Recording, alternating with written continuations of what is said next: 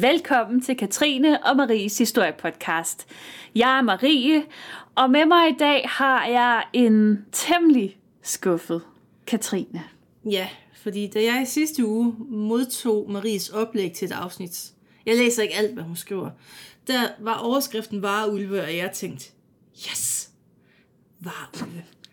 Nu læser jeg manuskriptet i dag, og så ser jeg, at det handler om nazister i virkeligheden, og ikke rigtige vareulve. Og det er, jeg er stadig vred. Jeg er stadig skuffet. Jeg føler mig på en måde forrådt, for jeg glædet mig en hel uge til vareulve. Og hvad, hvad kan du lære af det, Katrine? At man aldrig skal stole på nogen. Eller at man skal læse alt, hvad jeg skriver. Så meget tid i Men... hverdagen har jeg simpelthen ikke, Marie. Men altså, rolig nu, fordi du, du ved jo godt, du er alle ved, at, øh, at 2. verdenskrig kan godt være spændende. Og jeg tænkte jo, altså vi befinder os jo lige her midt i, øh, vi, kan stadig, vi kommer lige akkurat, vi sniger os lige med ind over befrielsesdagen her med, med den her øh, podcast. Og, øh, og derfor skulle vi jo have noget en verdenskrigsrelateret, som, som også hører lidt sammen med, med befrielsen. Og ja, vi skal snakke om vareulve en, øh, som, øh, som var en nazistisk terrororganisation. Som ikke bestod og, af rigtige øh, vareulve. Som ikke bestod af rigtige vareulve, men, øh, men nazister. Og øh, de skabte frygt og redsel efter befrielsen i 1945. Så er det nu, der skal ligge sådan noget spændende underlægningsmusik. Dam, dam, dam. Ja, tak. Vores historie den starter den 20. april 1946. Det er jo et Hitlers fødselsdag. Jeg ved ikke, om der er en sammenhæng. Måske var der. Her på den her dato, der bliver der smidt en tysk håndgranat ind gennem et vindue hos politibetjent Paul Ebjerg Andersen i Tinglev i Sønderjylland. Granaten den sprænger det rum øh, til atomer, som den lander i, men heldigvis er der ikke nogen hjemme, så det er kun materielle skader, øh, det ender med. Men snakken, den går hurtigt, og der er rygter om, at attentatet skal kædes sammen med vareulveorganisationen. Og det bliver faktisk også skrevet i politirapporten, men der er ikke rigtig nogen beviser på det her. Frygten for de her vareulve var stor umiddelbart efter krigens afslutning. Og medierne gør, hvad medierne gør, så de smider jo altid ekstra brænde på bålet – og efter attentatforsøget i Tinglev, der blev der anholdt 23 mænd og kvinder. De påstod selv at være en del af vareulvene, men politiet de var ret overbevist om, at det ikke, altså, det var sådan lidt glade amatører, og som var inspireret af myten om det her vareulvekorps, så ikke rigtig vareulve. Sådan lidt, ikke sådan lidt copycat-agtigt. Ja, de havde hørt noget på et tidspunkt. Allerede ved indgangen til 1950'erne, der var snakken om den her vareulve-organisation forstummet. Faktisk så blev så blev den af mange historikere afskrevet som rygter og mytedannelser, og måske stadigvæk af nogen, ikke, Katrine? Meget. Ja, og, øh, og det var helt frem til 2012 øh, i hvert fald, fordi øh, i det år, der gik øh, politimanden Erland Let Petersen på opdagelse i et loftrum over sit kontor på Københavns Politigård. Og øh, her fandt han en pose, der var fyldt med dokumenter, og der var nogle stempler, og der var nogle forskellige andre effekter og bevismateriale, der synes at bekræfte, at varulvene ikke bare havde eksisteret i Danmark, men var aktive og ikke mindst dødsens farlige men hvad var den her vareulveorganisation? Hvem var de, ikke mindst? Og, og måske det største spørgsmål af dem alle, hvorfor forsvandt de bare ud i glemslen? Og nu ringer vi med kontekstklokken igen. Ding, ding, ding, ding. Og så spoler vi lige sådan lidt ud fra Danmark, fordi at det her, det er jo sådan, skulle have været en større organisation, der var i alle de nazistbesatte lande. Og så meget andet insane i den her verden, så begyndte ideen inde i Himmlers hoved. Og ideen den tog fart i 1944. Fordi her er krigslykken ligesom vendt for tyskerne. Det begynder sådan at gå lidt nedad, og det kan de godt se. Så for at sikre sig lidt, så begynder man at tænke efter krigen. Sådan, man havde jo egentlig, man troede jo, at nazisterne på en eller anden måde ville overleve, eller de troede nazisternes top jo selv. Og så skulle de ligesom tænke, hvad med næste halvleg i den her overtagelse af verden? Mm. Mm-hmm. Og Himmlers plan, det var at oprette terrorceller i en række europæiske lande, som så skulle gå i aktion, når de allierede havde besat landene. Så de her terrorceller, de skulle skabe kaos, og det skulle foregå gennem snimor og sabotage og gå, go, go, go, gorillakrig.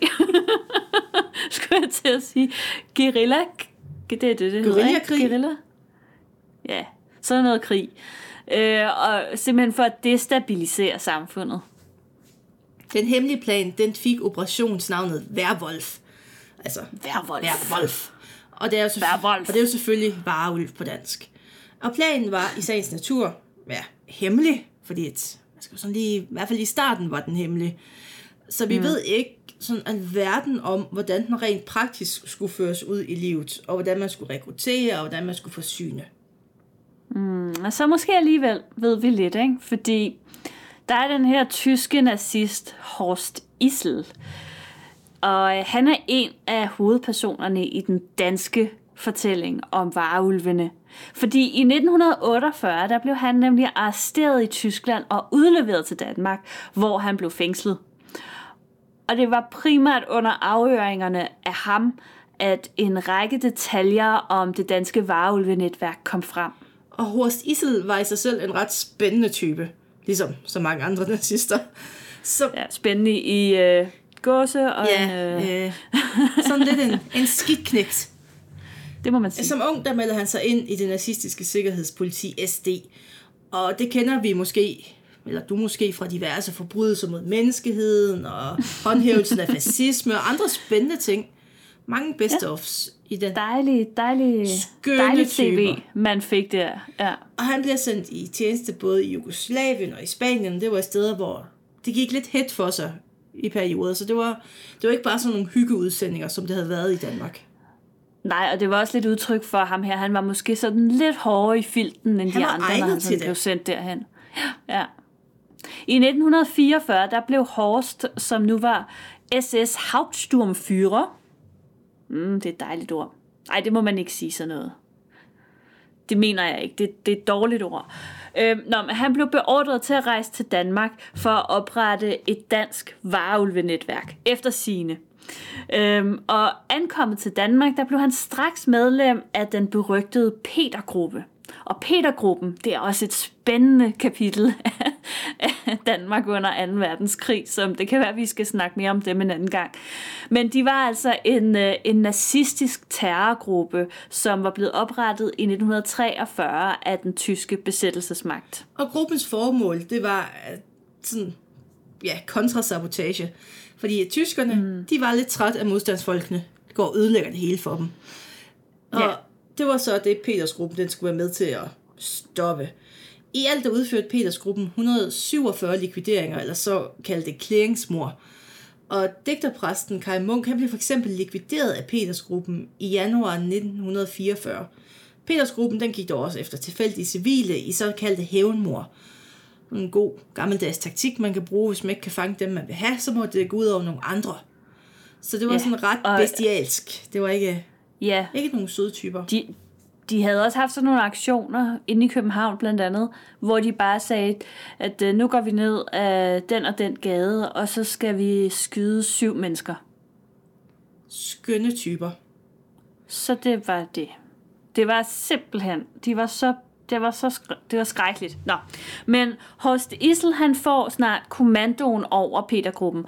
Og det er herfra, at han efter sine, det her det er jo altså fra hans øh, egen mund og hans afhøringer, at det er herfra Petergruppen, at han rekrutterer folk til vareulvenetværket. Og det her, de her folk, der er i Petergruppen, og dem, som han efter sine rekrutterer, det er altså nogle af de mest hårdkogte og brutale danske nazister, man overhovedet kan støve op.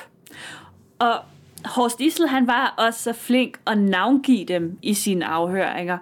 Øh, så vi kender nogle af nøglepersonerne i den danske vareulveorganisation. Og øh, det er øh, nogle dejlige typer, som en vis Henning Brøndum, og en, der hedder Kai Botilsen Nielsen, som var sådan, de to, de var sådan rimelig kendte inden for det danske nazisten øh, miljø. Så var det en, der hed Ib Neder Mark Hansen og Paul Lensing. Det var ligesom de fire, der primært, altså de, de, de var ligesom nøglepersonerne i den danske varulvorganisation. Og lad os lige se lidt nærmere på de her charmerende unge fyre, som var nogle forfærdelige mennesker. Fordi ja. Henning Brøndum, han var født på Vesterbro i København i 1916. Han kom fra sådan en typisk arbejderfamilie. Hans far han var mekanikeren, og mor hun var hjemmegående husmor. Der var ikke noget vildt i det. Mm. I 1938 der var Henning 22 år, og han meldte sig ind i det danske, eller Danmarks Nationalsocialistiske Arbejderparti. Og det ved vi jo godt, hvad er nazister. Uh, og mm-hmm. kort tid efter, der meldte han sig som frivillig i deres stormtropper, kaldt SA. Ja, og han gik et skridt videre, fordi i 1940, der meldte han sig også som frivillig til Waffen SS. Det ved vi også. Det er øh, de tyske øh, kamptropper, eller en eliteenhed i, øh, i, i den tyske her. Og i januar 41, der blev han så sendt på SS-skole i Senheim. Jeg, jeg synes på en eller anden måde, der er et eller andet komisk over at komme på SS-skole. Hvad lærte man? Altså, øh, der lærte man vel at slå folk ihjel? Ja, og hvordan man fra, styrede men... folk, hvordan man fandt folk. Marie, det er ja. ikke bare sådan at være dum svin. Nogle, de er simpelthen så gode, de skal øve sig i det at være endnu dummere svin. Så. Ja, og tænk engang, der har været nogle undervisere på den skole også. De må have været yber Jamen altså, det har jo været nogle helt intense skoler, det der. Det var jo... Ja, det har været hvad meget intenst. på sådan et sted, det var? Åh, oh, Gud. det har man banket den sidste Nej. altid. Det var wow. mobbepolitik, og man fik, nogle gange fik man en pind til at gøre det. det var ikke sjovt. Men øh, Henning, nej, det, jamen, jeg griner, fordi det er sådan, at tragikomisk på en eller anden måde. Men altså, i, øh, allerede i 41, øh, der bliver Henning Brøndum sendt til fronten. Han bliver sendt til Østfronten. Det er nok sådan den værste front, man kan blive sendt til under 2. verdenskrig. Øhm, og her befinder han sig sådan mere eller mindre med nogle små afbræk øh, frem til februar 1944, hvor han vender hjem til Danmark. Turen til Østfronten, den havde langt fra gjort ham mindre tilbøjelig til nazisme. Og øh, han, han var både en del af øh, Frikorps Danmark, som var øh, sådan, øh, det danske nazistpartis øh, sådan måde at rekruttere folk til den tyske her, og så det senere Schalburg Korps, som jeg mener først opstod i 43, var det ikke sådan? Jo, det er omkring. Øhm, og så kom han også ind i Schalburg Korpsets efterretningstjeneste. Øhm, og Schalburg-korpset, det var grundlæggende øh, et korps bestående af danske soldater i tysk tjeneste. Øh, det var simpelthen fordi øh, det her frikorps Danmark, det var blevet så upopulært, mener jeg. Så de ligesom de lavede et nyt. De, de rebranded, kan man sige. De rebranded. Ja. Øh, og faktisk Schalburg-tjenesten nåede op på sådan 500-600 personer, inden det blev oplyst, opløst i, øh, i januar 1945. Men må jeg lige indskyde noget? Skyd, Marie. Fordi nu i de her dage har der jo været sindssygt mange programmer om besættelsen. Og noget, som overraskede mig helt vildt, det var, at der var jo virkelig mange, der meldte sig, mange mænd, der meldte sig til frivillig krigstjeneste for tyskerne.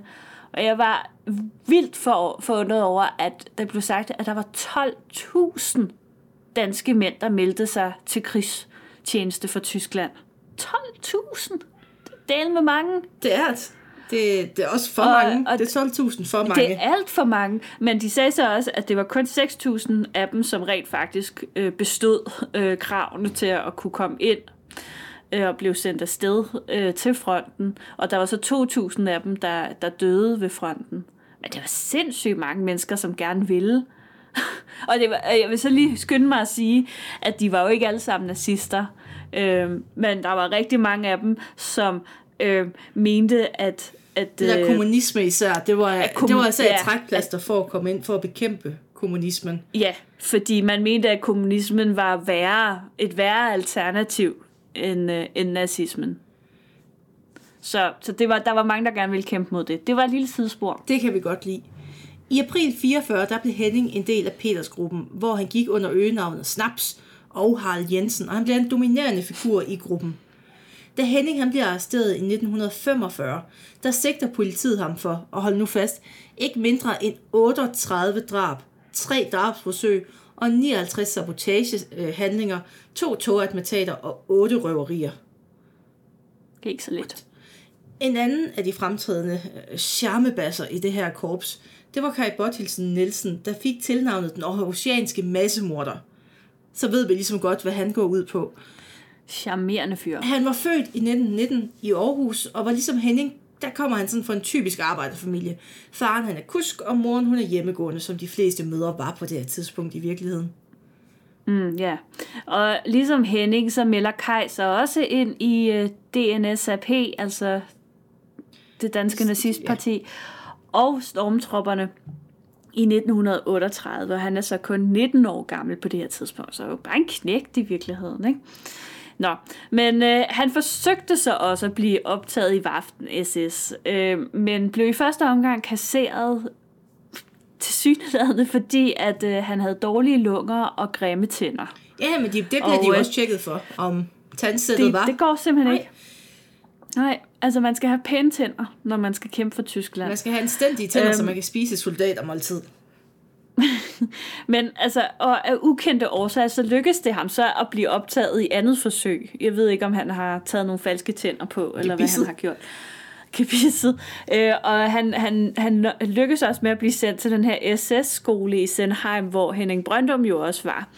Øh, men i 1942, så bliver han kasseret igen og, øh, og sendt væk fra skolen. Men i første omgang, der bliver han i Tyskland, formentlig fordi han tænker, jeg vil gerne leve i det her nazistiske paradis. Øhm, og han etablerer sig som maler i, i Tyskland. Som kunstmaler eller Nej, øh, jeg går ud fra sådan en, en, øh, en øh, al- almindelig maler. jeg ved ikke, Okay, jeg skulle lige sige, det, det var sådan lidt atypisk, hvis han havde sådan en kunstnerisk ånd i sig også. Jamen, det var der jo nogle af de her nazister, der også havde. Det havde Vi nævner Adolf ikke Hitler nogen navne, malet men, mange øh, malerier. så, men øh, nej, jeg, jeg havde bestemt indtryk af, at det var sådan en, en, der tager ud og maler folks vægge. Okay, jeg var øh, et kort vej forvirret. Og det kan ikke blive ved det her, fordi i juni 1943, der vendte han tilbage til Danmark, hvor han blev optaget i Schalburg-korpset. Og de var så ligeglade med hans grimme tænder og dårlige lunger. Ja. Og i januar 44, der kom han til at arbejde sammen med Henning Brøndum i korpsets efterretningstjeneste, så nu har vi ligesom fået de her to connected.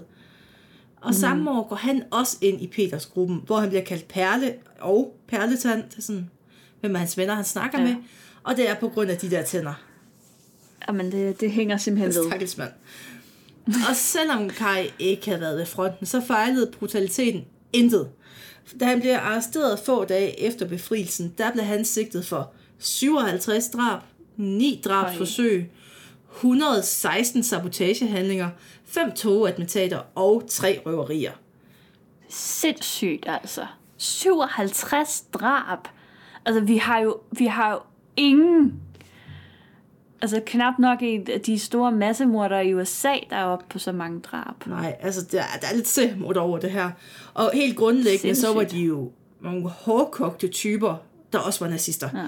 Og det ja. Udgår jo kun to personer i det her påståede netværk, der skulle være like 100 mand stort. Ja. Og ifølge Horst Issel, så var vareulvegrupperne i Danmark enormt velorganiseret. Og det vil også være underligt andet, kan man sige, når det ligesom er ham selv, øh, som, øh, som skulle stå for at organisere dem, så vil han nok ikke sige andet i hvert fald.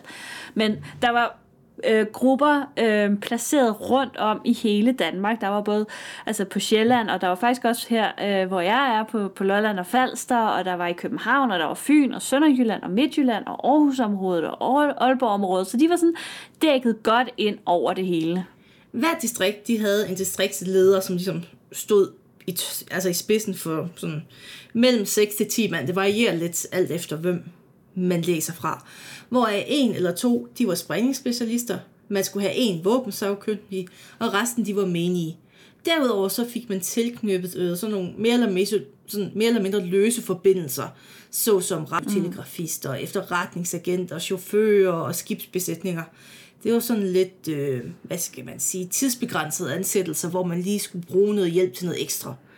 Og ifølge Horst Isel, der havde flere af de her folk modtaget deres militæruddannelse i Tyskland. Så der har jo også været en form for mm. organisering på den måde påstået. Ja, altså han påstod både, at han havde sendt folk øh, til Tyskland for at uddanne sig, men at han også selv havde faktisk stået for at uddanne folk til at være med i det her varulve-netværk. Og det var jo enormt vigtigt for planens gennemførelse, at medlemmerne af netværket fik arbejde i vigtige danske virksomheder, som stod på listen over varulvenes terrormål. Øhm, Horst Isel, han kunne også fortælle, at det var lykkedes at få varulve ansat i blandt andet sådan nogle øh, mastodonter som øh, post- og telegrafvæsenet, som det hed dengang. Øh, I dag vil vi... Øh, i dag det er jo sådan, altså PostNord, det var postvæsenet, ikke? Øhm, og så var der jo øh, det hedengangne skibsværft B&V, kæmpe arbejdsplads. Og så øh, diverse færgeselskaber og også diverse vognmandsfirmaer rundt omkring, som kørte på tværs af landet. Så, så der skulle altså, der var, der var placeret folk strategisk rundt omkring i store virksomheder øh, i Danmark. Derudover så fik alle de her varulve, de fik falske identiteter. Øhm, nogle af dem øh, var, var stjålet fra, fra kirkebøger, altså så det var, det var folk, der var døde, som de så havde, de havde bare taget deres navne fra kirkebøgerne.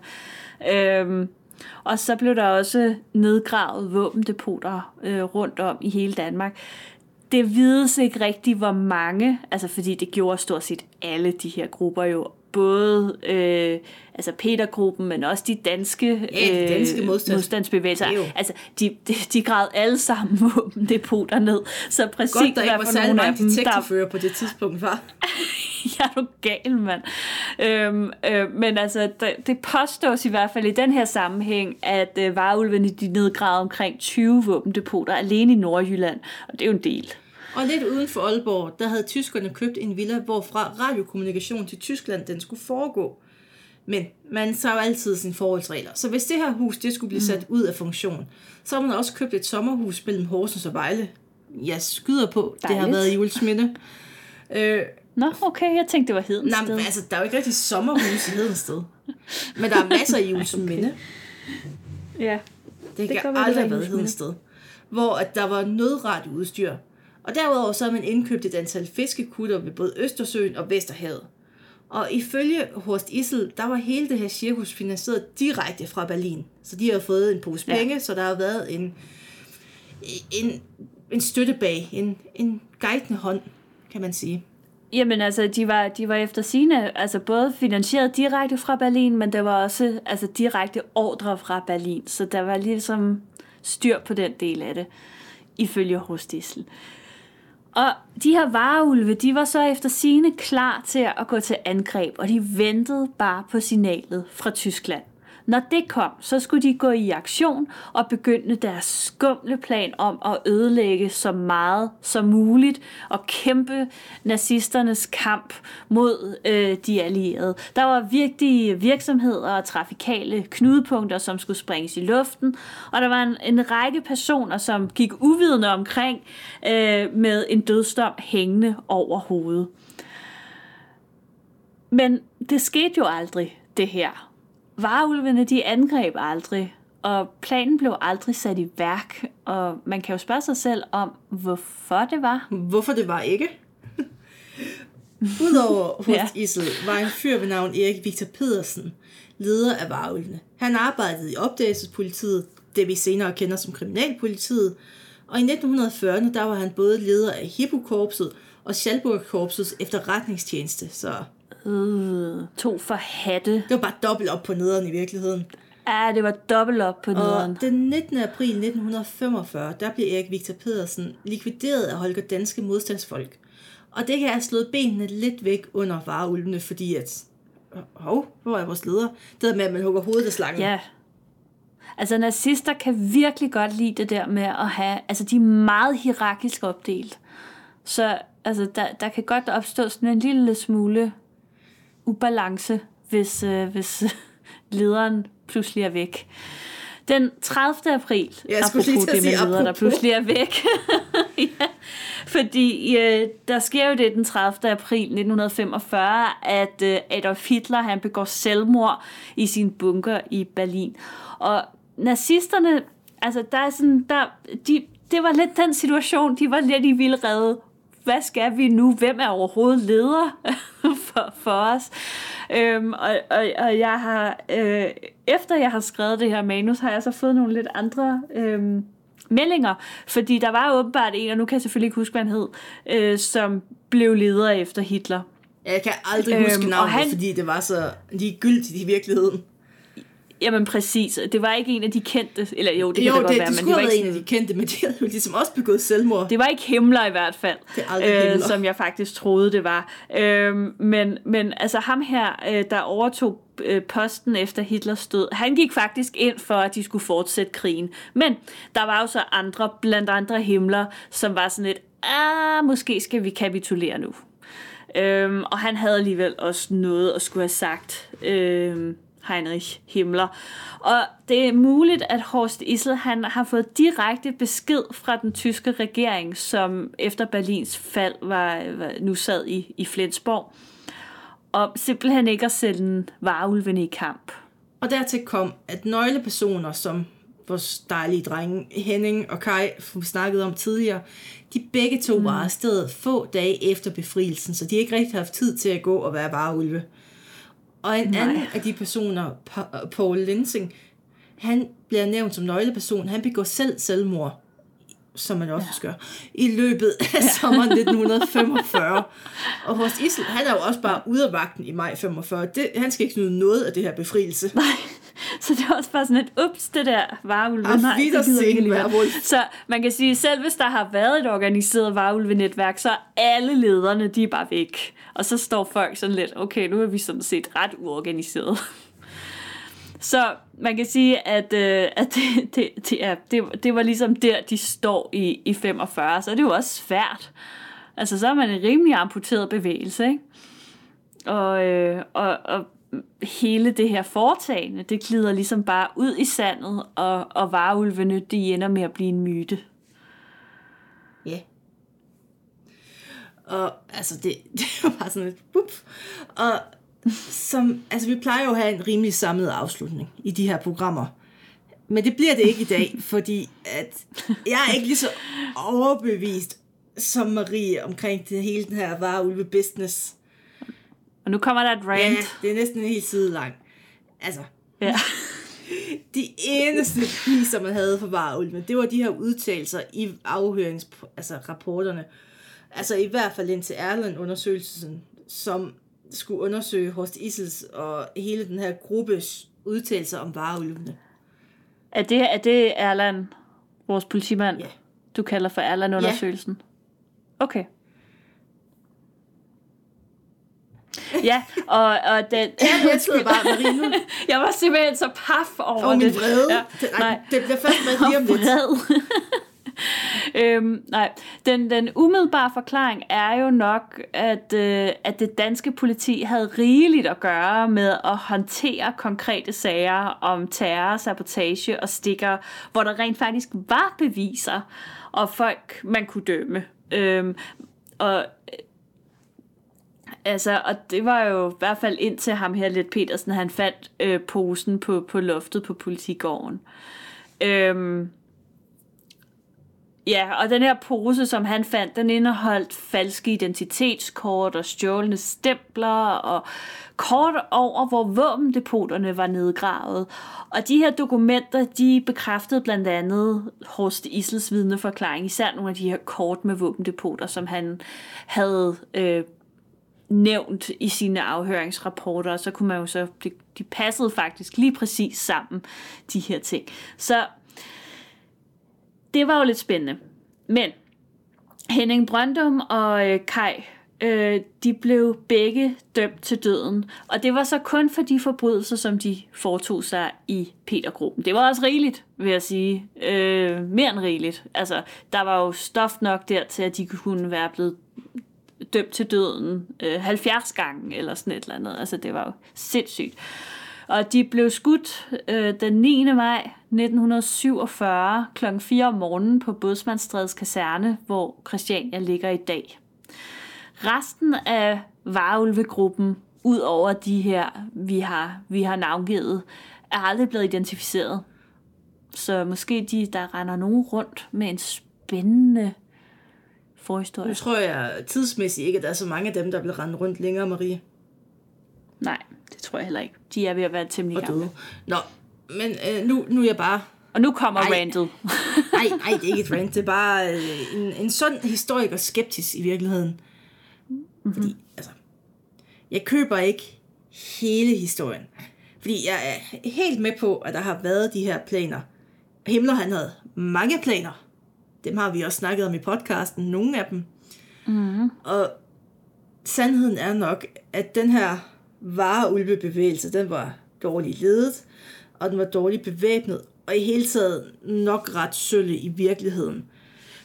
Altså taler du om, om bevægelsen sådan som Jeg, helhed, jeg eller taler den i om helheden, og så zoomer jeg langsomt ind. Og man kan også okay. sætte spørgsmålstegn ved, om den overhovedet altså kan sige, at den fandtes sådan, sådan rigtigt. Altså i hvert fald ikke i den her skræmmende form, som man gerne vil gøre det til. Altså det eneste seje ved dem, det er deres navn. Altså, mit bedste bud er, at det nok mere var et propagandaværktøj, som ender med at give bagslag. Fordi de ender faktisk med at tale om de, de, her- de her vareulve. Altså ude i offentligheden, ja. og det bliver sådan, altså Göring var især også glad for dem. Og ja. Det giver jo så også lidt bagslag, fordi at, øh, ved du hvad der sker, når man fortæller ens besættere, at man forresten har op og lavet en hemmelig guerillaenhed, som lige pludselig vågner op, så bliver besætterne ret mistroiske. Og det har jo ja. Bare, altså, det gjorde nok ikke gnidningerne mellem tyskerne og russerne og de andre allierede sådan super godt. Der blev al- altså anholdt mm. super mange, som man tror godt kunne være sådan nogle nazisympatisører. Og de heldige, de blev anholdt af amerikanerne og englænderne og franskmændene, og de uheldige, de blev anholdt af russerne. Og så Ja. var det jo bare en envejsbillet til de der specielle lejre, Ja, fordi jeg så faktisk i går, der så jeg et program på tysk tv, som man jo gør. af alle steder, som man jo gør. Øhm, og, og det handlede netop om, om, øh, om nogle unge mennesker, altså hvordan de ligesom havde, havde, altså hvad de havde oplevet i tiden her, lige efter at krigen var afsluttet. Og en af dem havde faktisk været i en eller anden gruppe, øh, hvor at de så mere eller mindre frivilligt blev skrevet på en liste over, at de gerne ville deltage i sådan en vareulve øh, gruppe. Og øh, den her liste, den blev så øh, fundet af russerne. De havde fået opsnappet den her liste. Øhm, og så blev alle de her folk jo arresteret, inklusiv ham her, der så var med i programmet. Og han anede jo ikke, at de havde fundet den her liste, men altså, de, de, de anholdt ham for at være med i Varulve-gruppen, også selvom at... Altså, Ja, fordi det, det, det er så lidt det, jeg tror, det har endt med, at man har skrevet sig på en liste. Og så, Ja, Jamen, vi vil, vi vil nok gerne, Ja. og det kan også godt være, at det er foregået det i er også sådan Danmark, lidt, altså. det er i virkelig, altså der var altså nogle Så modbydelige de stod ude i et eller andet forsamlingshus og opildnede øh, nogle mennesker til ligesom... Ja, altså, og så har man lige fået bildt sig selv lidt, at man også er med i det. Og man kan også sige, at hvis det Ja. var en ægte, altså ægte enhed, som var godt støttet af Berlin, og som var virkelig overbeviste, hvorfor så vi så ikke en rigtig terrorbølge i Europa, der hvor de skulle være oprettet? Altså, jeg kan godt se, at der principielt ja. har været en idé om det. Det underkender jeg på ingen måde, og jeg underkender heller ikke, at der har været nogle i sandhed modbydelige mennesker, som sikkert bare har synes, det var en mega fed idé, men de var nok også modbydelige, selvom mm. de ikke var varulve. Klart, klart. Altså, på den anden side, så tænker jeg også, at der er rigtig meget, vi stadigvæk ikke ved om, hvad der foregik under 2. verdenskrig. Har, altså, så, Så du nogensinde går, så- DK4 dengang, eller DK, DRK dengang de kørte? Jeg tror ikke, der er en sten, vi efterhånden ikke har vendt. Men ikke desto mindre, altså der findes jo øh, hele det her øh, sagsarkiv med øh, stikkerlikvideringer, Ja. for eksempel, som jo aldrig nogensinde er blevet sådan for alvor åbnet. min øh, lukkende bemærkning er, at jeg anerkender, at varulve-ideen fandtes. Jeg er lidt mere mistroisk over for den reelle udførsel af det her projekt. Jeg tror mm. faktisk lidt mere på, at der findes rigtige varulve. Bare sådan en lille smule. Jeg anerkender det mere. Det vil jeg meget hellere snakke om i virkeligheden. Ja, jeg synes også, at vi havde rigeligt i de nazistiske terrorgrupper, som, som vi ved fandtes. Ja, præcis. Og vi, Altså, det, øh, men men det, er en, det er en spændende historie, og, øh, og det, hvem ved, altså jeg vil ikke øh, udelukke, at der dukker mere bevismateriale frem, hvis det er sådan noget, der er gemt væk på Ja, lofter. men man skriver ikke historie ud fra, at man gætter på, at noget dukker op. Nej, nej, det Siger hun er sur og kildekritisk og øh. men, men altså, det, det, øh, det, nej, det gør man ikke. Men altså, nu er, nu er tanken nu er tanken opstået, og, øh, og desværre så kan vi jo ikke rigtig spørge nogle af dem, som var impliceret, fordi de blev Nej, skudt, gudskelov kan vi ikke spørge eller dem, tog livet af sig selv. vil jeg sige. Øhm, ej, altså det, det var det var det var kun retfærdigt. Øhm, men altså det, jamen jeg ved det ikke, Katrine. Jeg synes det var en god historie, og jeg kan godt lide tanken, eller altså nej, forstå mig ret. Marie, hvad vil du fortælle? Oh my god. Altså, jeg hvad, klipper ikke hvad det får jeg ud. sagt her? Nej. jeg kan ikke lide tanken om, at der var en nazistisk terrorbevægelse, der skulle agere efter 2. verdenskrig. Jeg tror bare ikke, at den er, det er ikke usandsynligt, men øh, at man fik ideen til Ja, det, og at den blev sat fandtes. i værk, og at det blev organiseret. Men jeg tror også godt på, at det hele det faldt fra hinanden. Måske var det øh, med Hitlers død, måske var det faktisk ved befrielsen, fordi alting bare gik helt amok. Øh, og, og, og at man kunne ligesom godt se, at Tyskland var ikke den hest, man skulle spille på i det spil. Øhm, og så blev det aldrig til noget. På den anden side, hvis der virkelig havde været sådan et stort netværk af vareulve, som vidste, at de havde været involveret i et eller andet, var der så ikke nogen af dem, altså, og som ikke var nogen af de her topnazister, som var blevet skudt, var der måske så ikke nogen af dem, der på et eller andet tidspunkt var gået ud og havde sagt, hey, altså nu for eksempel i forbindelse med, med det, du kalder for Erland-undersøgelsen. Ja, det vil jeg kalde den for nu. Det var trods alt meget i medierne, da det kom frem, alt det der. Så, det er et spændende emne. Øhm, og nu har jeg også lovet dig, at du nok skal få nogle, nogle rigtige vareulve på et tidspunkt. Ja. Vi har det på bånd. ja. Og med de ord, tusind tak, fordi at I lyttede med.